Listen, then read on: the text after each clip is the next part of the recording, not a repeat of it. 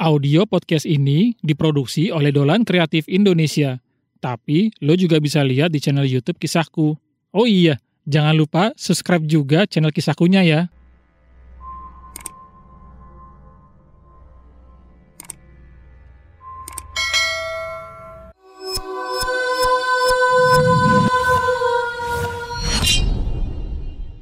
Hai, kenalkan, namaku Adinda. Saat ini usiaku 19 tahun. Aku terlahir dari keluarga yang sederhana. Aku sendiri seorang Jawa Tulen. Mukaku emang berbeda dari yang lain. Bahkan sampai aku dikatakan anak pungut. Dari semua keluargaku, yang menguatkanku hanyalah nenekku.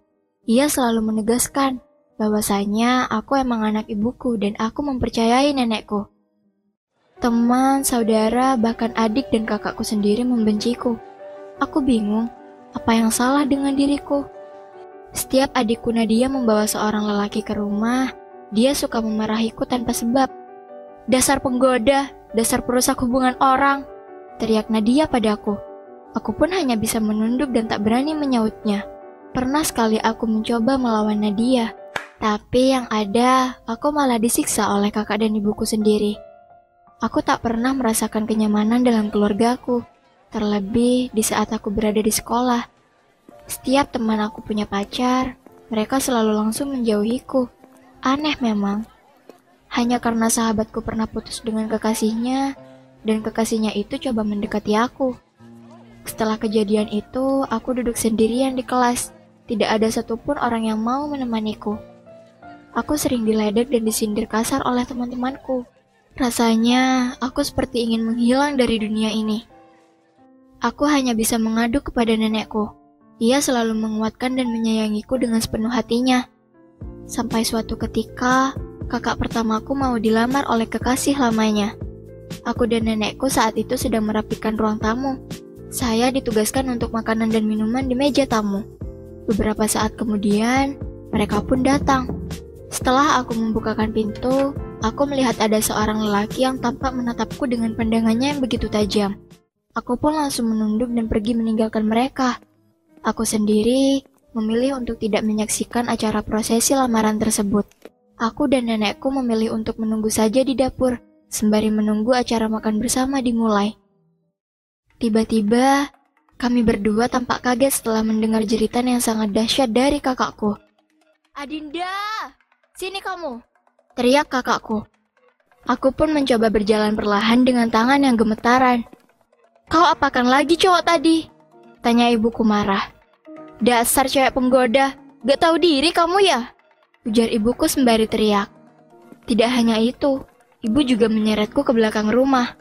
Aku hanya bisa menjerit sembari meminta tolong.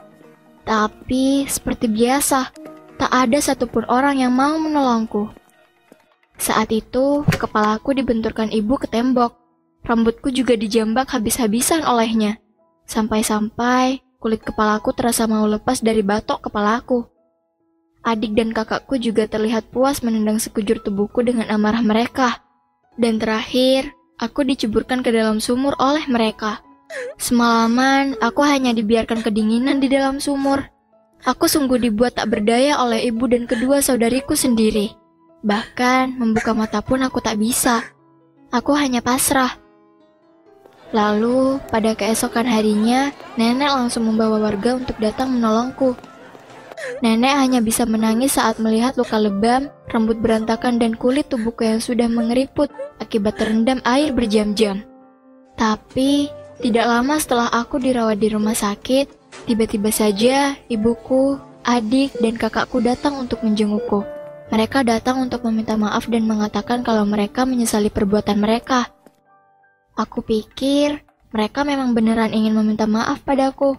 Padahal mereka mempunyai rencana jahat yang lain untukku. Mereka memberikan makan dan minuman yang sudah dicampuri racun saat itu. Aku hanya bisa percaya dan memakan apa yang mereka beri. Beberapa saat kemudian, aku mengalami kejang-kejang dan kepalaku begitu pusing. Aku pun langsung ditangani oleh seorang dokter. Katanya, aku selamat dan tertolong. Namun, aku sudah menjadi gila dan tak bisa mengenali siapa pun.